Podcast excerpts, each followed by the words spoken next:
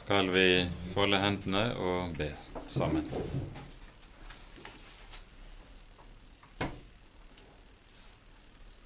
Kjære gode Herre og Hellige Far. Så takker og lover vi deg på ny for all din godhet og all din miskunnhet imot oss. Takk, gode Herre Gud, at du har tatt oss til dine barn da du ga din egen sønn i vårt sted. Takk, kjære Herre, at vi skal få lov å ha et hjem i din kirke her på jorden. Kjære gode Herre, takk at du også sender din ånd for at vi skal forbindes fast sammen med Jesus. Nå ber vi, Herre, at du vil være hos oss denne kvelden som du har lovet det, og at du vil la din Hellige Ånd virke imellom oss, virke i Ordet og ved Ordet, og legge Ordet ditt inn i hjertene våre, slik at vi kan få tro deg og bli frelst. Kom, Herre, du, slik du har lovet for Jesu egen skyld. Amen.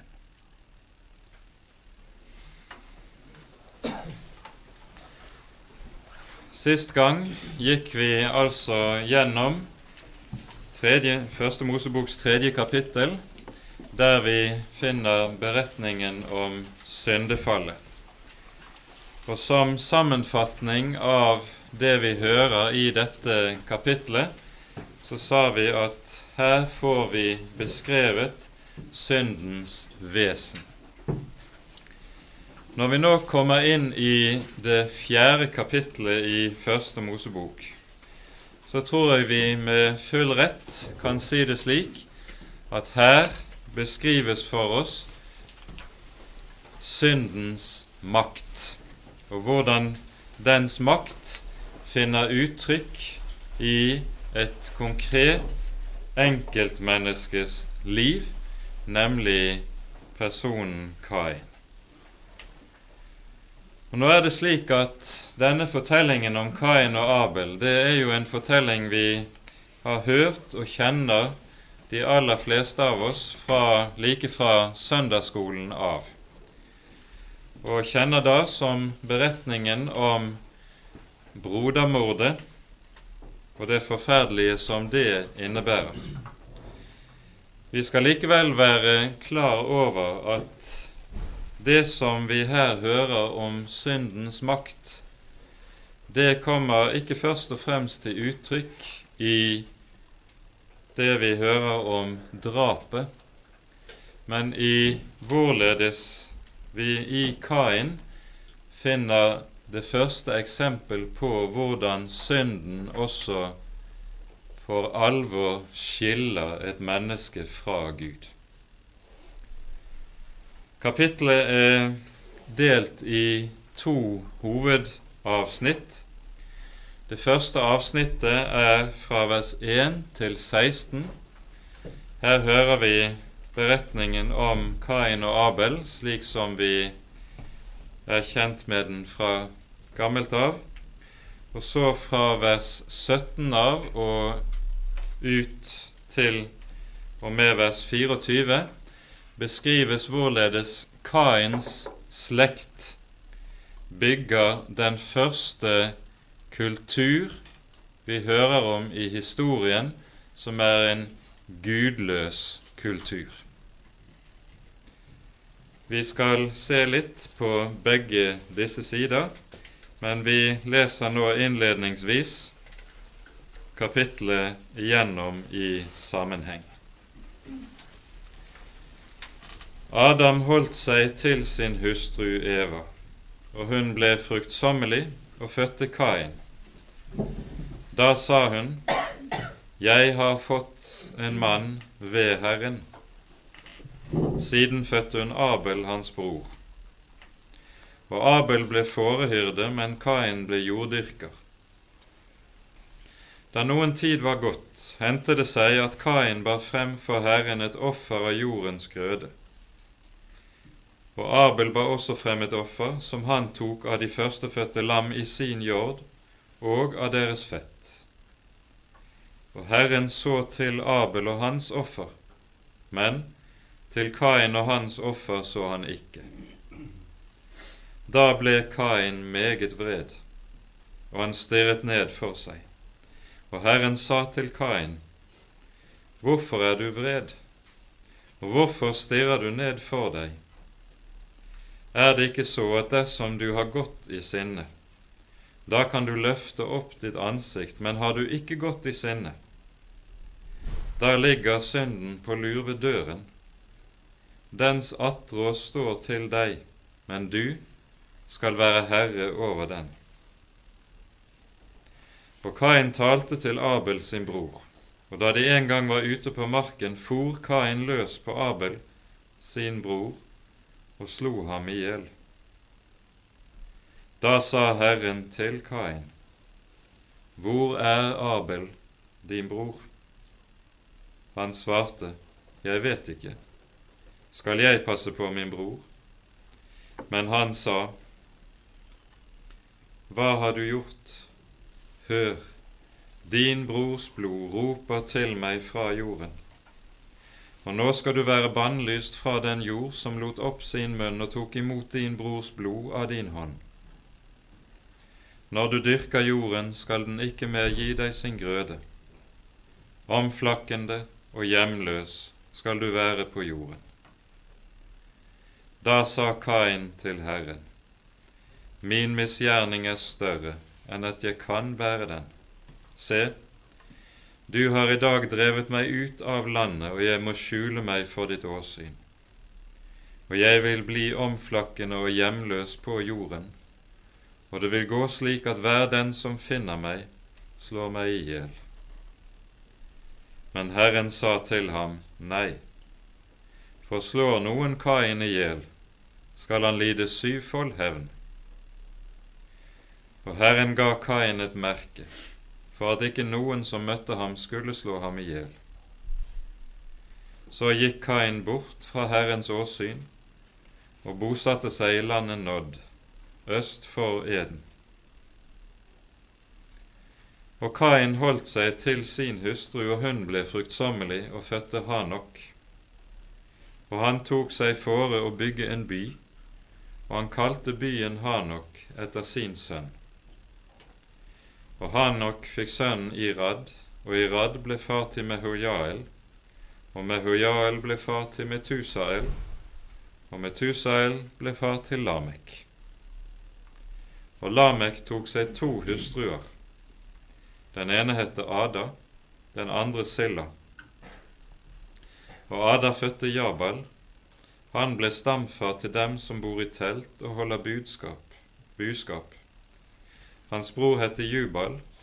Han ble stamfar til alle dem som spiller på harpe og fløyte. Og Silla fødte Tubalkain. Han smidde alle slags skarpe redskaper av kobber og av jern. Og Tubalkains søster var Naama. Og Lamek sa til sine hustruer, Ada og Silla, hør mine ord. Lameks hustruer Merk min tale. En mann dreper jeg for hvert sår jeg får, og en gutt for hver skramme jeg får. For hevnes Kain syv ganger, da skal Lamek hevnes syv og sytti ganger. Og Adam holdt seg atter til sin hustru, og hun fødte en sønn og kalte ham Sett. For, sa hun, Gud har satt meg en annen sønn i Abels sted, fordi Kain slo ham i hjel. Og Sett fikk en sønn og kalte ham Enosh. På den tid begynte de å påkalle Herrens navn.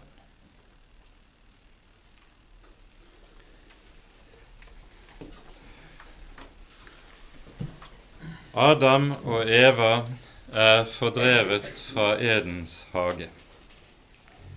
Og det første vi nå hører om, er de to første av deres sønner. I kapittel 5 her i Første Mosebok hører vi at Adam og Eva får mange andre sønner og døtre. Disse forteller Bibelen ikke stort om. For det som kjennetegner Den hellige Skrift, det er at den aldri forsøker seg på noe som helst form for fullstendighet i sin historieskrivning. I stedet begrenser den seg meget målbevisst til å berette om det som har betydning for frelsesåpenbaringen og for den fremadskridende åpenbaring. Alt annet lar Bibelen bare ligge, kan kanskje nevne det hurtig i forbifarten, men konsentrerer all oppmerksomhet altså om det som har betydning for åpenbaringshistorien. Og Det vi her hører om Kain og Abel, det er altså noe som i høy grad har betydning i så måte. Når Eva føder sin første sønn, så bryter hun ut 'Jeg har fått en mann ved Herren', står det i våre oversettelser. Bokstavelig står det i grunnteksten 'Jeg har fått en mann, nemlig Herren'. Og antagelig er det slik at det som ligger bakom i dette Eva sitt utbrudd, er at hun med Kain håper å ha fått den som skal sønderknuse slangens hode.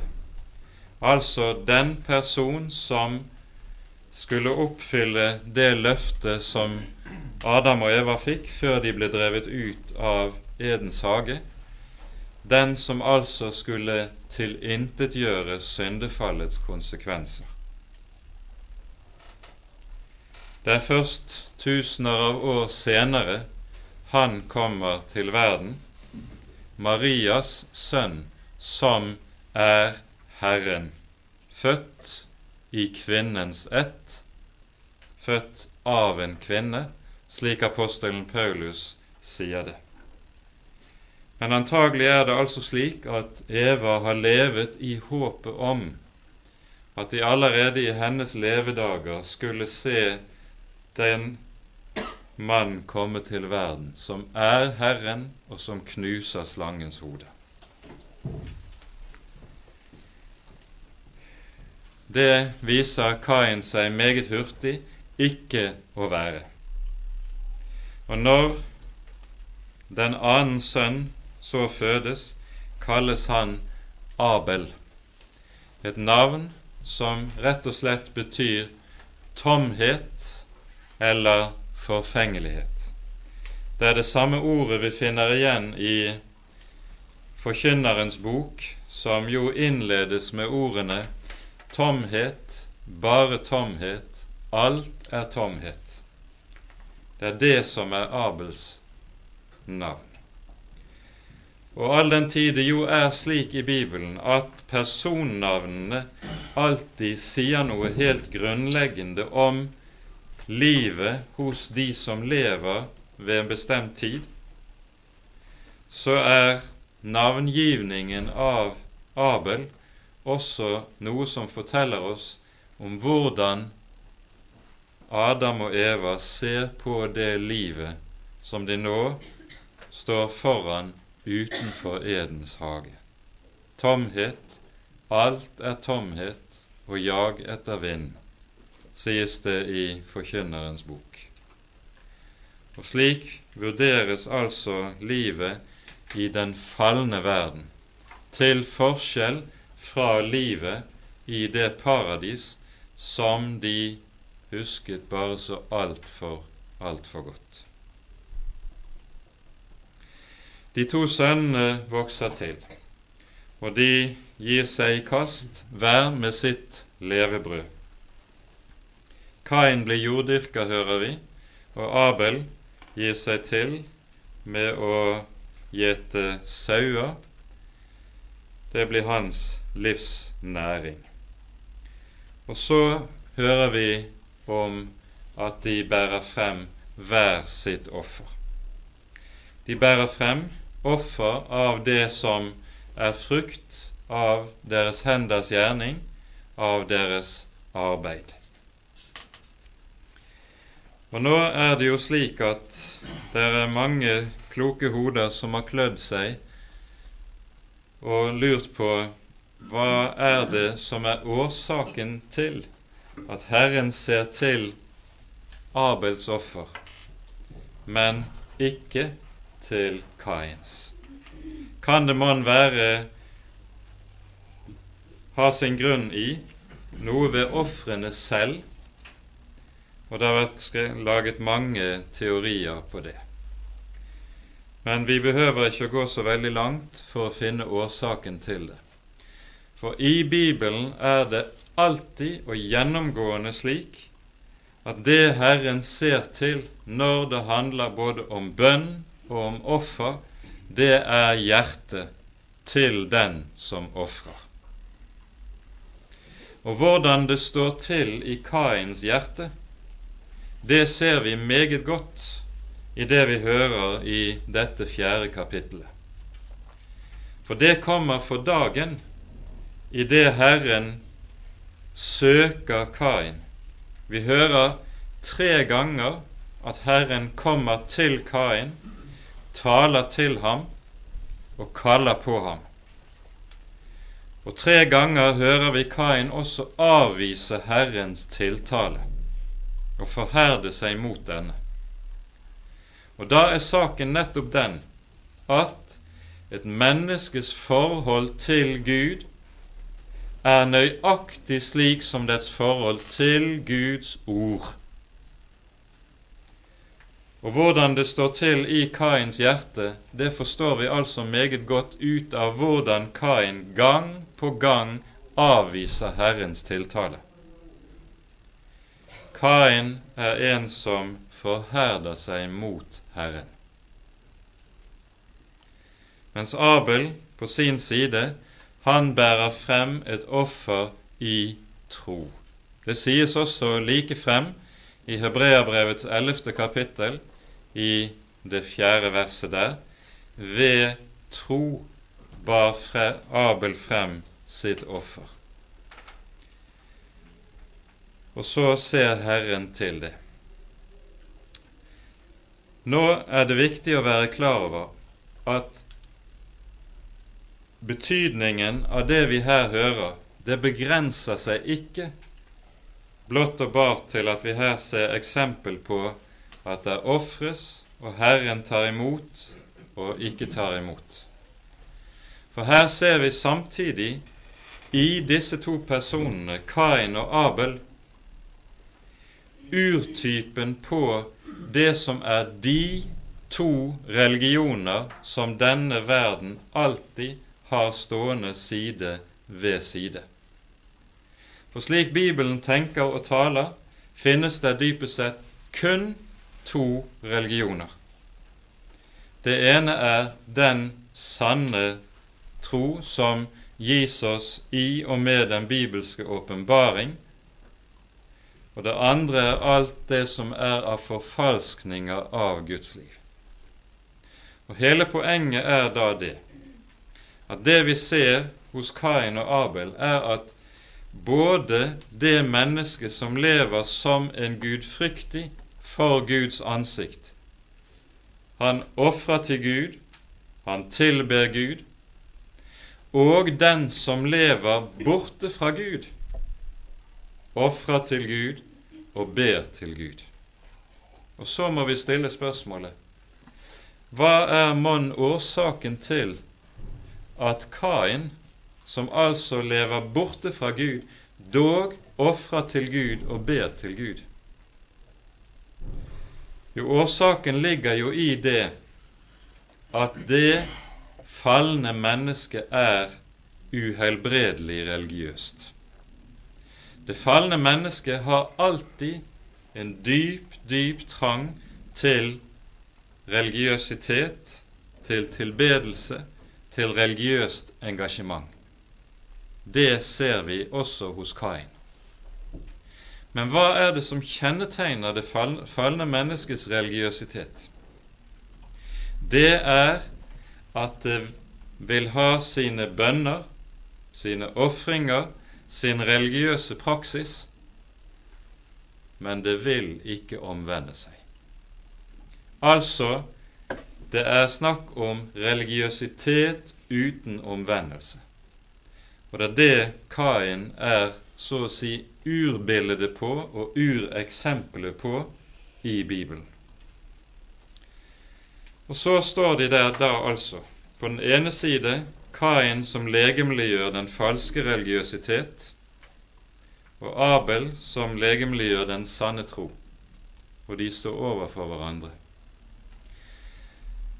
Og med kampen mellom disse to så har vi fått, så å si, et av grunntemaene i Den hellige skrift. For denne kamp mellom den sanne og den falske tro og gudsdyrkelse, det er senere gjennom hele Den hellige skrift noe som går som en rød tråd. Hva er profetenes forkynnelse annet enn dette? en stadig kamp mot Israels falske gudsdyrkelse.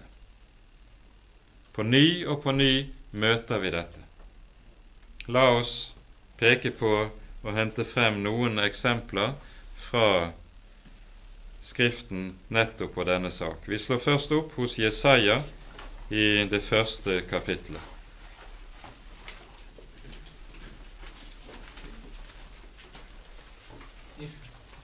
Jesaja kapittel 1.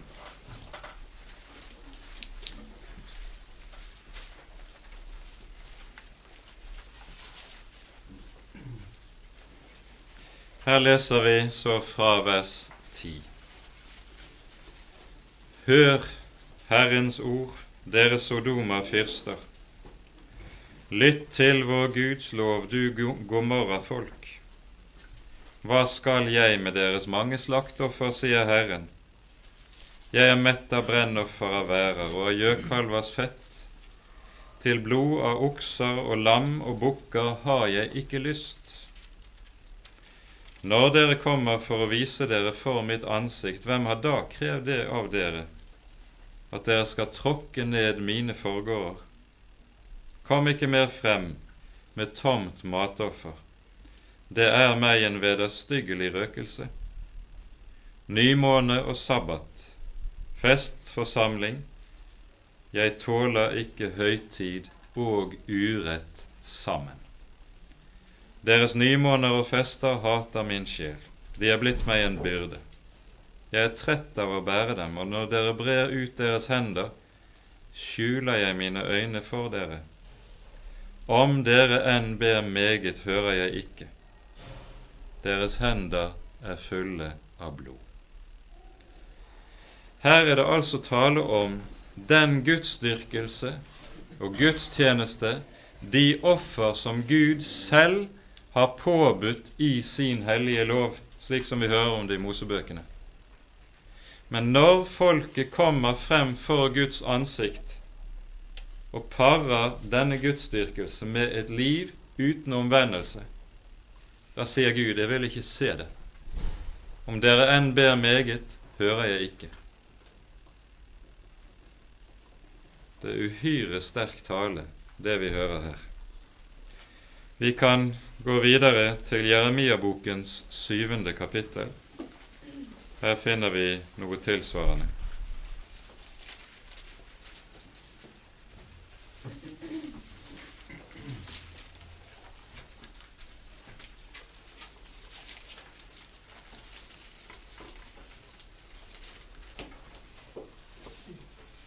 Jeremia 7, og vi leser fra vers 8. Se, dere setter deres lit til løgnaktige ord, til ingen nytte. Hvorledes? Dere stjeler, dere slår i hjel.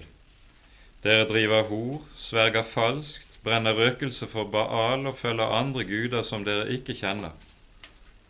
Og så kommer dere og står frem for mitt ansikt i dette hus, som er kalt med mitt navn, og sier, Vi er frelst. Og så tenker dere at dere fremdeles kan gjøre alle disse vederstyggelige ting. Er da dette hus, som er kalt med mitt navn, blitt en røverhule i deres øyne? Se, også jeg har sett det, sier Herren. Ja, her hører vi altså hvordan folket stiller seg frem for Guds ansikt. De lever i alskens ugudelighet og synd, og så våger de seg attpåtil inn i Guds hus og står der og sier 'Vi er frelst'. Gud vil ikke vite av slikt. Og Skal vi sammenfatte det vi hører i disse tekstene, så er kanskje det vi hører i ordspråkene 27, vers, unnskyld, 28, vers 9, en meget kortfattet og klar sammenfatning av dette. Ordspråkene 28, vers 9.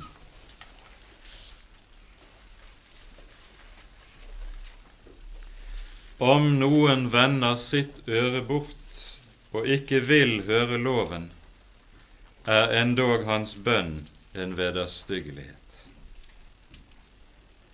Det er kraftige ord. Men slik er altså saken når det gjelder Kain.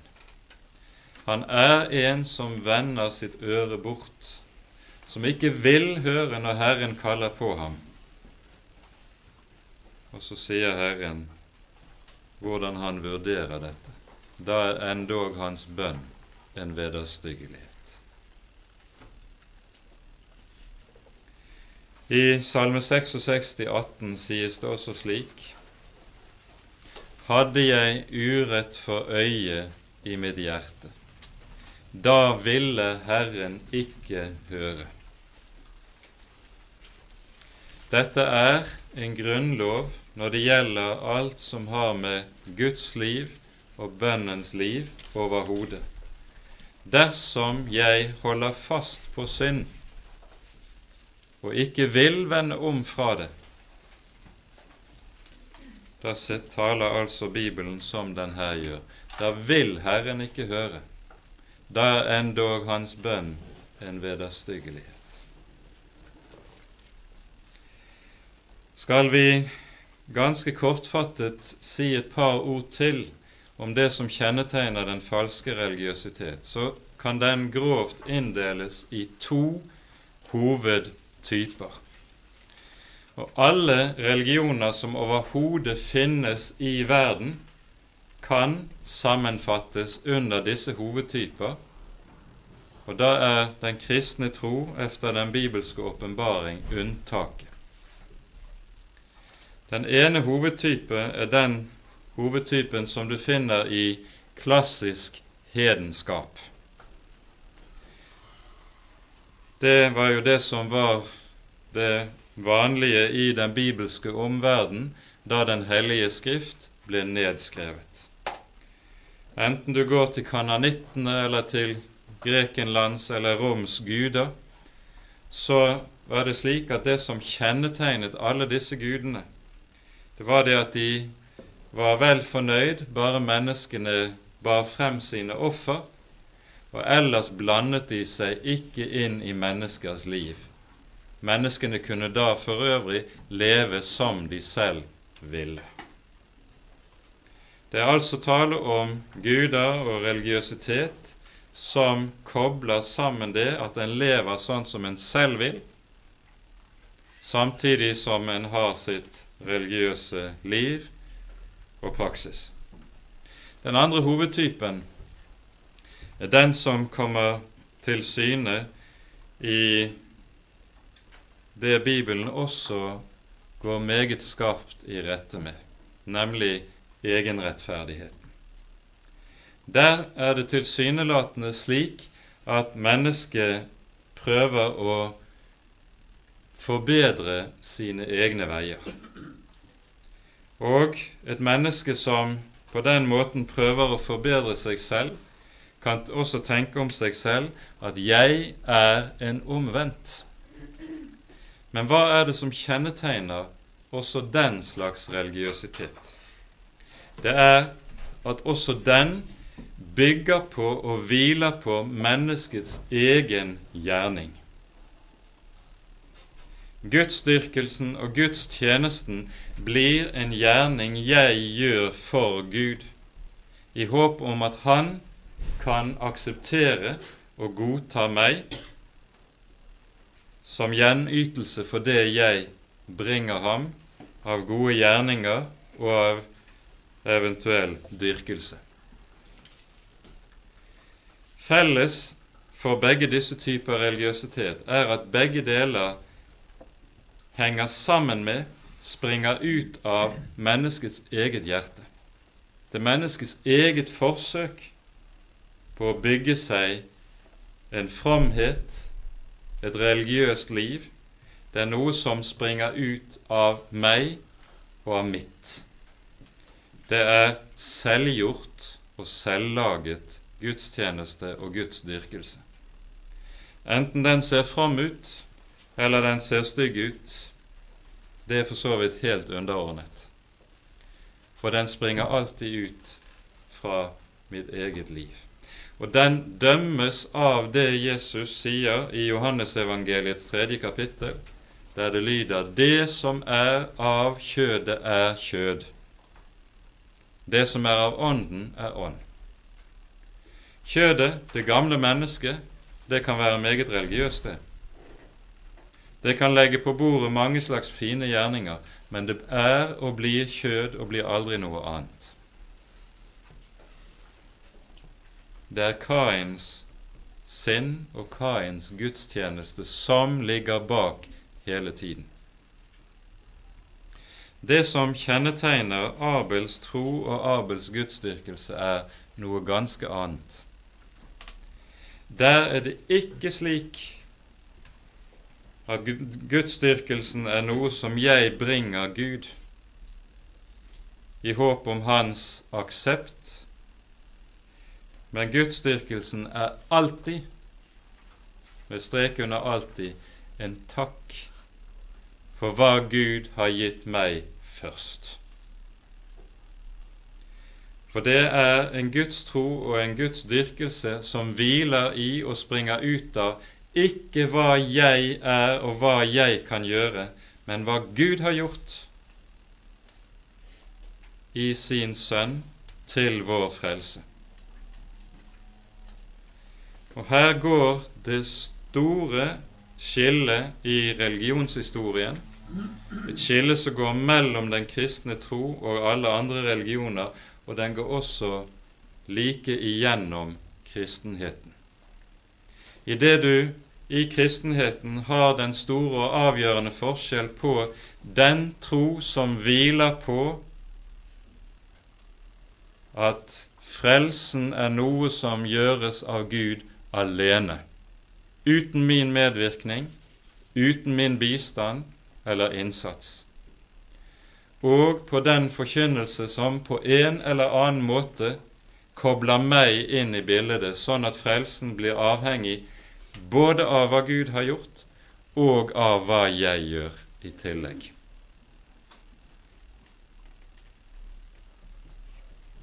Det er Kains gudsdyrkelse du møter også der.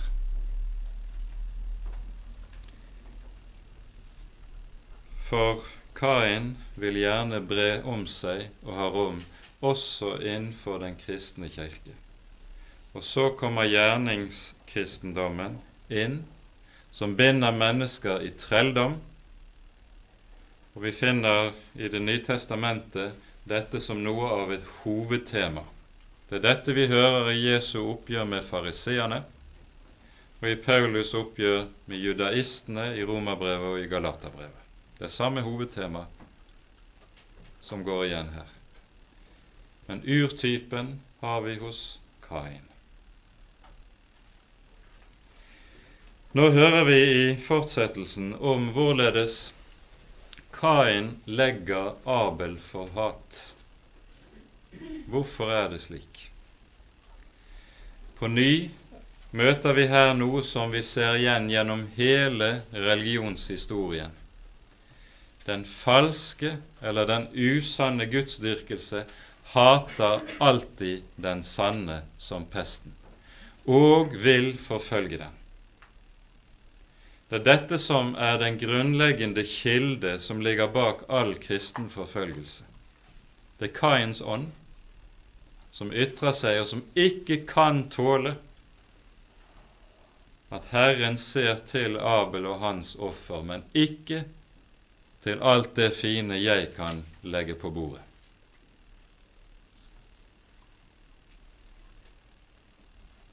I Johannesevangeliets tredje kapittel sier Jesus i samtalen med Nikodemus som følger Dette er dommen, at lyset er kommet til verden, og menneskene elsker mørket fremfor lyset, for deres gjerninger var onde. For hver den som gjør ondt, hater lyset, og kommer ikke til lyset for at hans gjerninger ikke skal bli refset. Lyset er kommet til verden, og mennesker hater lyset, elsker mørket. Det er det som kommer til syne hos Kain, og så legger han sin bror for hat. Og så får vi den ånd for første gang eksemplifisert i historien, som Jesus setter ord på i Johannes 16. Hver den som slår dere i hjel, skal tro at han viser Gud en dyrkelse. Det er det Kain, det er Kains ånd. Og dermed så er det angitt for oss at det som Gud sa i kapittel 3 vers 15, i det store løftes ordet om kvinnens sæd som skal knuse slangens hode, det gir samtidig også oss historiens grunntema.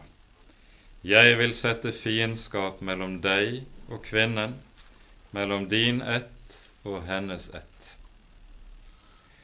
Fiendskapet mellom Abel og Kain, det er det samme som fiendskapet mellom slangens ett og kvinnens ett. Her ser vi det for første gang like for våre øyne.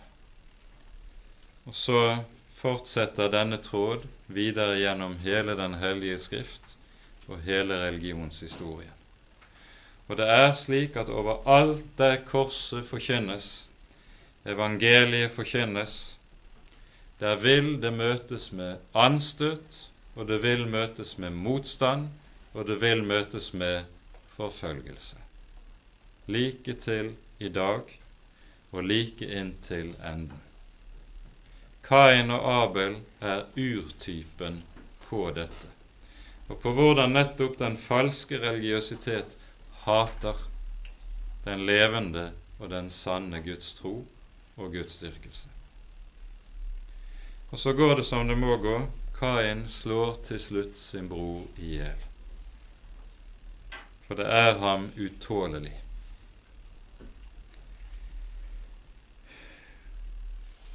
Og så er det vi med dette begynner å se hvordan den synd som trådte inn i menneskenes hjerte på fallets dag, begynner å få makt i et menneskes liv og i et menneskes hjerte.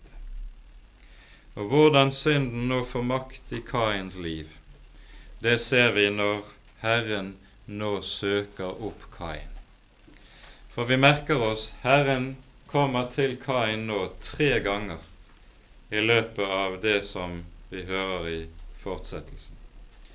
Første gang Herren søker opp Kain, det er forut for brodermordet. Vi leser i vers 6 og 7.: Hvorfor er du vred, og hvorfor stirrer du ned for deg? Er det ikke så at dersom du har gått i sinne, kan du løfte ditt ansikt?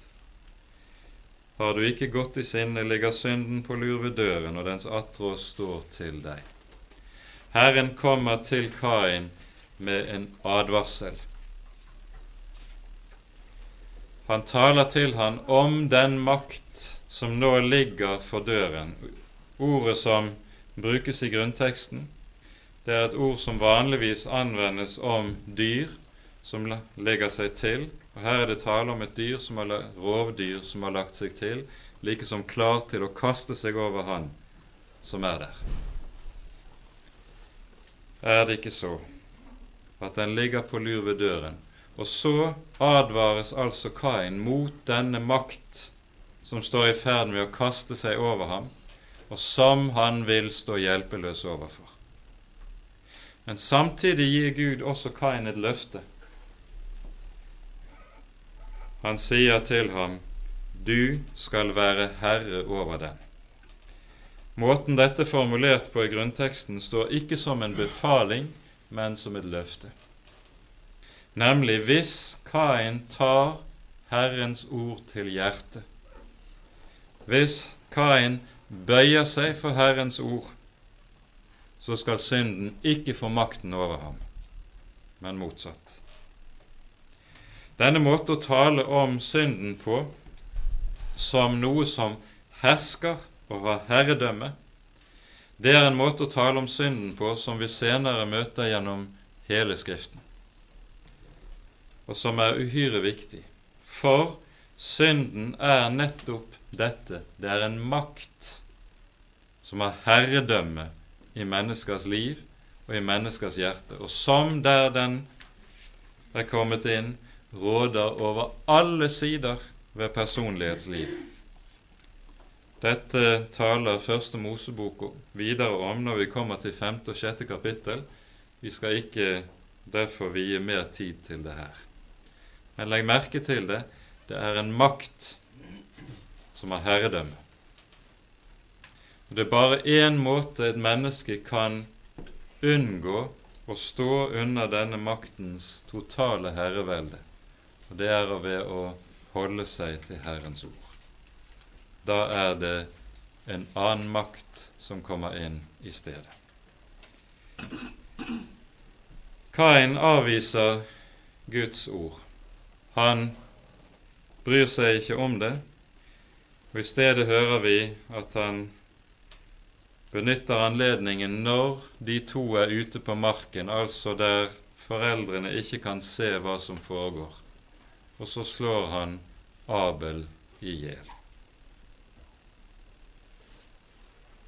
Og da er det at Herren kommer til Kain annen gang. Og nå skal vi merke oss, for her ser vi også en annen sak i sin urform, nemlig hvordan Gud arbeider for å nå inn til en synder. For det Gud nå gjør, det er at han søker en synder som ikke selv søker ham. Gud driver så å si sin oppsøkende virksomhet. For her hører vi ikke om noe som helst hos Kain som søker Herren, som angrer på hva han har gjort. Tvert om. Og likevel Herren søker Kain. Og i dette ser vi noe som også går igjen gjennom hele Skriften. Når Jesus taler om menneskets omvendelse i Lukasevangeliets 15. kapittel, hvordan beskriver han det? En mann hadde hundre sauer. Så er det en som kommer bort, og så gir han seg ut på leting etter den ene. Og når han finner den, legger han den på sine skuldre med glede og går hjem og kaller vennene sammen og sier, Gled dere med meg, Og så sies det således skal det være glede i himmelen over én synder som omvender seg, mer enn over 99 rettferdige. Å bli omvendt, det er å bli funnet. For dypest sett er det slik i det, det som er sant Guds liv, Det er ikke vi som søker Gud, det er Han som i sin store, store nåde søker oss. Det er Han som søker oss. Og om Kain aldri så mye har begynt å gå den vei som er hans egen vei, så vil ikke Herren gi ham opp, men i stedet søker han etter ham, går så å si etter ham og kaller på ham. Og Når Herren kaller på Kain, så gjør han det i form av et spørsmål. Hvor er Abel, din bror? Og som vi var inne på forrige gang i forbindelse med gjennomgangen av syndefallsfortellingen, der hører vi jo også at når Herren søker Adam og Eva, så gjør han det i form at han stiller dem et spørsmål. Hvor er du? Hva har du gjort? Og så skal vi merke oss at denne måten som Gud her gjør, taler på når han stiller spørsmål, det er den milde form for å forkynne loven på. Guds hellige lov, det er den som kaller et menneske til omvendelse. Og Guds hellige lov, den kan tales med en voldsom skarphet og med dommens hårhet. Det hører vi også i Skriften, ikke minst hos profetene når de taler til et gjenstridig folk. Men lovens tiltale kan også komme i en mildere form. Og det er den milde formen vi her møter når loven kommer som spørsmålet. Hva har du gjort? Hvor er Abel, din bror? Gud vil så å si gjennom å tale mildt midt inn i selv dette dype alvor, det dype fallet som Kain har vært inne i, så vil han selv ved dette om mulig kalle ham til omvendelse. Det er Guds måte å søke å skape selverkjennelse hos en fallen synder. Hvor er Abel, din bror? Når vi hører Kain sitt svar, så lyder det jeg vet ikke. Skal jeg passe på min bror? Så skal vi være oppmerksom på at i dette svaret ligger der ikke bare en så å si en skuldertrekk av en avvisning av Guds tiltale, men det er i svaret en bevisst forherdelse.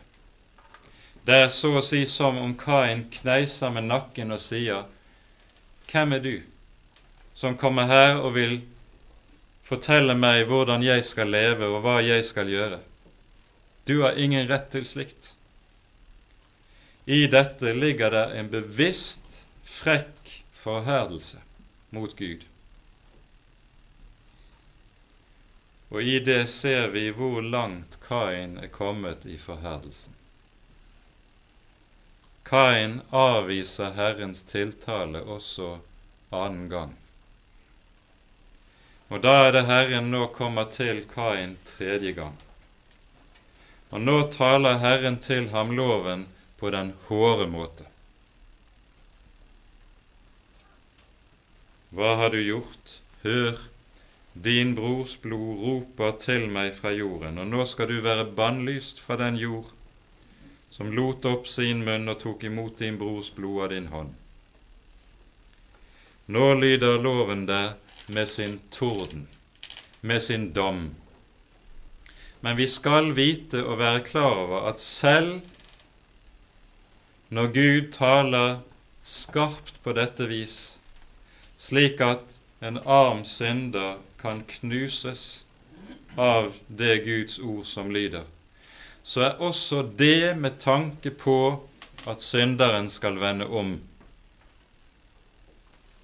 Det er med tanke på at han riktig skal møte alvoret og se alvoret i øynene, hva det egentlig er som han har gjort og står overfor. For alltid er det slik at det som er Guds hjertelag når han taler, det er at han taler for å kalle til omvendelse. Vi minner om ordene i Esekiels bok 18. kapittel. Her sies det slik i vers 23.: Skulle jeg ha behag i den ugudeliges død, sier Herren, Israels Gud, mann heller ikke i at han vender om fra sin vei og lever. Det er det Gud søker, også når han taler hardt og skarpt. Dette er det satt ord på i den 94. salmen, og dette er ord som vi gjør vel i å skrive oss på hjertet og i minnet.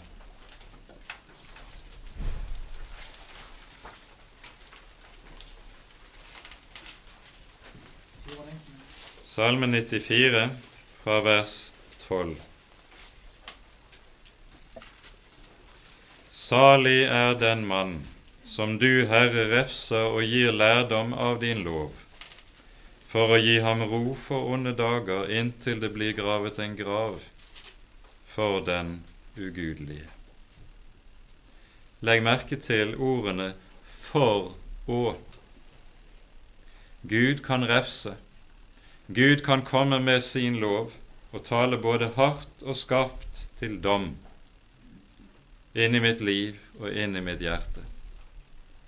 Men han gjør det ikke fordi han vil støte meg vekk. Det står 'for å gi ro for onde dager'. Også når Gud taler hårdt, er det fordi han søker vår frelse og vår omvendelse.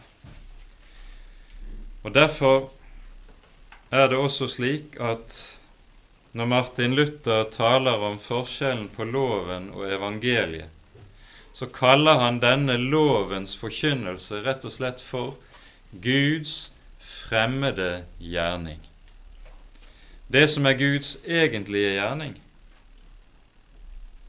det er den som kommer til syne i evangeliet.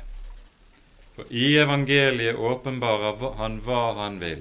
Han gir oss frelsen for intet ved sin sønn.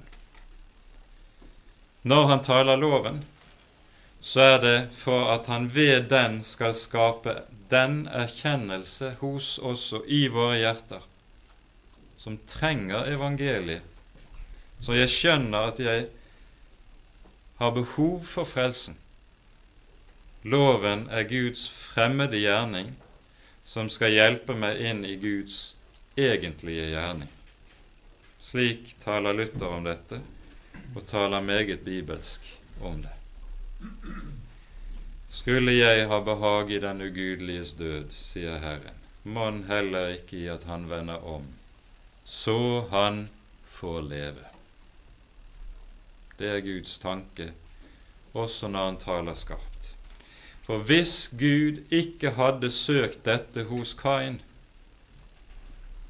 så hadde Gud heller ikke talt til Kain.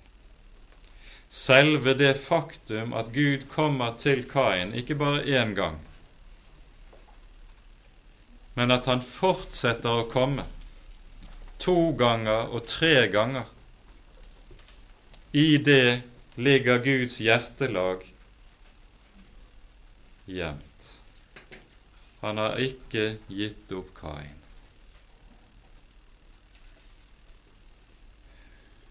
Slik er det også at Herren står for døren og banker, som vi kan høre det i åpenbaringsboken i det tredje kapittelet. Han er blitt satt utenfor i en kristen menighet, Laudikea-menigheten. Men i stedet for å gå sin vei og bare la dem overlate dem til dem selv, så står han der utenfor og banker. Og i det ligger Hans nåde. Tenk, han går ikke. Han står der fortsatt, selv om han er vist på dør. Slik er det han søker den enkelte synder med tanke på nettopp dette at han kan bli omvendt og leve. I det vi nå hører i fortsettelsen fra Kains munn, så kan det tilsynelatende virke som om der er en gnist av erkjennelse og en begynnende omvendelse hos han. I vers 13 står det i min oversettelse slik Da sa Kain til Herren, min misgjerning er større enn at jeg kan bære det. Dette skulle nok helst oversettes sånn som det er gjengitt i nyere oversettelser. Min straff eller min skyld er større enn at jeg kan bære den. Og Det som her lyder hos Kain, det er ikke anger over hva han har gjort, men det er beklagelse av at han nå ser hvilke konsekvenser det han har gjort, får for han selv. Hans onde handlinger får også konsekvenser for han selv. Han ser at disse konsekvensene vil bli meget vanskelig for ham selv å bære. Det beklager han, men han angrer ikke på hva han har gjort. Og det er denne beklagelse over hvilke følger hans gjerninger får for hans egen del, at det går utover ham selv. Det er det som lyder i Kains ord her. Og så frykter han ikke bare for at han skal lide når det gjelder den grunnleggende næringsvirksomheten som han hadde hatt frem til da, men at han til og med skal bli utsatt for andre menneskers hevn. Nei, Herren lover at det skal han slippe, det siste. Og så står det til slutt så gikk Kain bort fra Herrens åsyn og bosatte seg i landet Nådd, øst for Eden. Og i det er utgangen på Kains liv beskrevet i en meget kort sum. Fra denne dag lever Kain borte fra Herrens åsyn. Og slik må det være når en på ny og på ny forherder seg mot Herrens ord og mot Herrens kall. Til slutt kommer en til det punktet der en sier Gud farvel, går sin egen vei, og så lever resten av sine dager borte fra Herrens åsyn. Det er det Kain har gjort. For vi merker oss og understreker dette på ny et menneskes forhold til Gud er nøyaktig slik som dets forhold til Guds ord. Når Kain har avvist og avvist og avvist Herrens kall og Herrens tiltale, så har han med det også avvist Herren selv. Så bosetter han seg i landet Nodd, borte fra Herrens åsyn. Nådd betyr nettopp landflyktighet. Og så kommer han hele sitt resterende liv til å leve nettopp borte fra Guds ansikt. Etablere seg her i verden som det første gudløse mennesket, og som blir opphavet til også den første gudløse kultur. Når et menneske lenge nok har forherdet seg mot Herrens kall og mot Herrens ord, da lar Herren det til slutt løpe og gå sine egne veier, for Herren tvinger ikke noe. Og så er det vi da hører hvordan vi i Kains ett hører den første gudfremmede kultur bli til. Vi hører her Kains slektsliste beskrives gjennom de fem første leddene som så følger.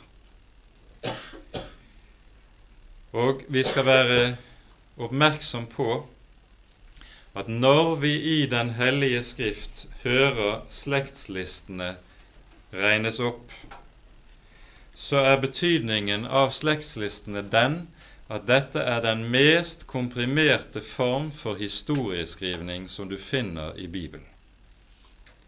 Og Det som er typisk for disse slektslistene og etterlistene som vi finner i Bibelen, er at de nevner ganske kort far, sønn, far, sønn gjennom en del ledd, kanskje korte detaljer om deres liv, og så stanser de av og til ved enkelte av personenes liv og ganske kort beskriver noen særtrekk ved disse. Og Det som da er poenget når Bibelen stanser opp for å beskrive særtrekkene ved disse enkeltpersonene, det er at ved disse særtrekk beskrives det som kjennetegner hele den slekt som det dreier seg om. Så i det vi her får beskrevet i Kains ett, så får vi med de korte glimtene av det som her skjer, beskrevet den gudløse kultur som er behersket av verdens sinne. Kain har satt, sagt himmelen farvel for å innrette seg her på jorden. Og så hører vi om alt det, at alt det som kjennetegner Kains liv og hans etterkommeres liv, det består i at all kraft vies til å etablere et liv og en kultur her i verden. Det er et liv på jorden uten noen himmel som hvelver seg over det. Og så rier de all sin kraft og all sin makt til å videreutvikle det liv her i verden som de har. Og der brukes det megen oppfinnsomhet, og vi hører hvordan metallurgien blir til. Vi hører hvordan det vi kaller kultur, urkildene til det som vi kaller kultur, blir til. Musikk.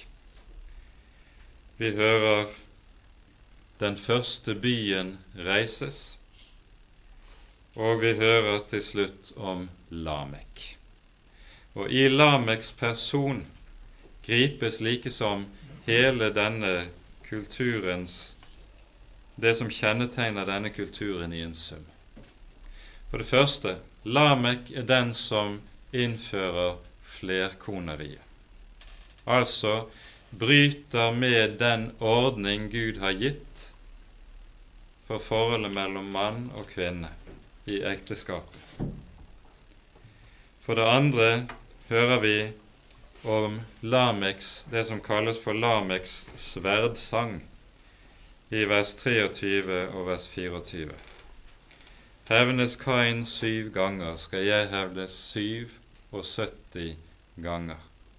Det er volden, makten, som brer seg på de svakeres bekostning. Det er den sterkes rett som lyder i en slik verden, og som gjelder i en slik verden, mens den svake, han må bøye nakken under voldsherrene. Dette sinnet som vi ser i Kains ett, det beskriver mer enn mange ord hvorledes alle Guds grunnleggende ordninger nå angripes i denne slekt. Navnene som de forskjellige også gis i denne sammenheng, beskriver mye av det samme. Lameks hustruers navn beskriver den veldige vekten som det legges på forfengelighet, på ytre skjønnhet og slike ting, for det er det navnene deres betyr. Mens sønnene får navn som svarer til deres håndverk. Den Gud fremmede og den gudløse kultur har vunnet skikkelse på jorden for første gang. Kapittel 4 munner ut med det vi hører i vers 25 og 26. Adam holdt seg atter til sin hustru. Hun fødte en sønn og kalte ham Sett, for, sa hun. Gud har satt meg en annen sønn i Abels sted, fordi Kain slo ham i hjel. Sett fikk en sønn, kalte ham Enosh. På den tid begynte de å påkalle Herrens navn. To ting skal vi merke oss med dette. For det første, når Sets sønn kalles Enosh, så er det et navn som senere i Skriften stadig brukes som navn på mennesket, eller på, som betegnelse på mennesket. Det er to ord i Bibelens grunntekst som vanligvis brukes for å betegne mennesket. Det ene ordet er Adam, som betegner mennesket som en skapning som er dannet av jorden. Navnet på, for jord eller mark på hebraisk er Adama. Og så er det altså dette ordet enosh, som betyr forgjengelig, skrøpelig, det som ingenting er. Det er det andre betegnelsen på mennesket i Bibelen. Og med det så beskriver Eva og Adam meget pregnant hva det er som kjennetegner mennesket i en slik verden. En verden der det ser ut til at det er Kains ånd som skal råde grunn.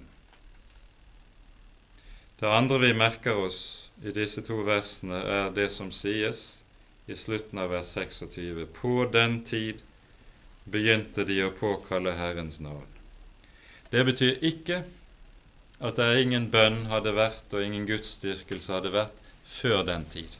Tvert om, det har det vært. Det hører vi jo nettopp om i Kains og Abels offer. Men det det sikter til, dette uttrykket, det er at nå innrettes der for første gang en offentlig gudstjeneste. En offentlig og ordnet gudstjeneste der de som hører Herren til, samles for sammen høre Hans ord, tilbe Ham og oppbygge hverandre.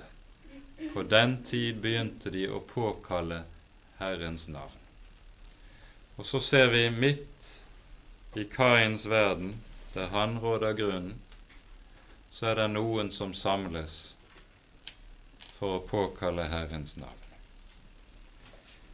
Og vi skal neste bibeltime bruke mer tid på å se på Sets slekt og det som følger etter det.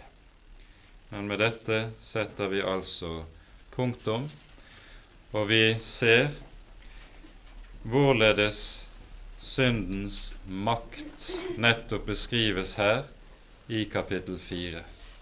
Synden har den makt at den fører et menneske helt bort fra Gud, dersom den får råde grunnen. Ære være Faderen og Sønnen og Den hellige ånd, som var og er og være skal, en sann Gud, høylovet i evighet. Amen.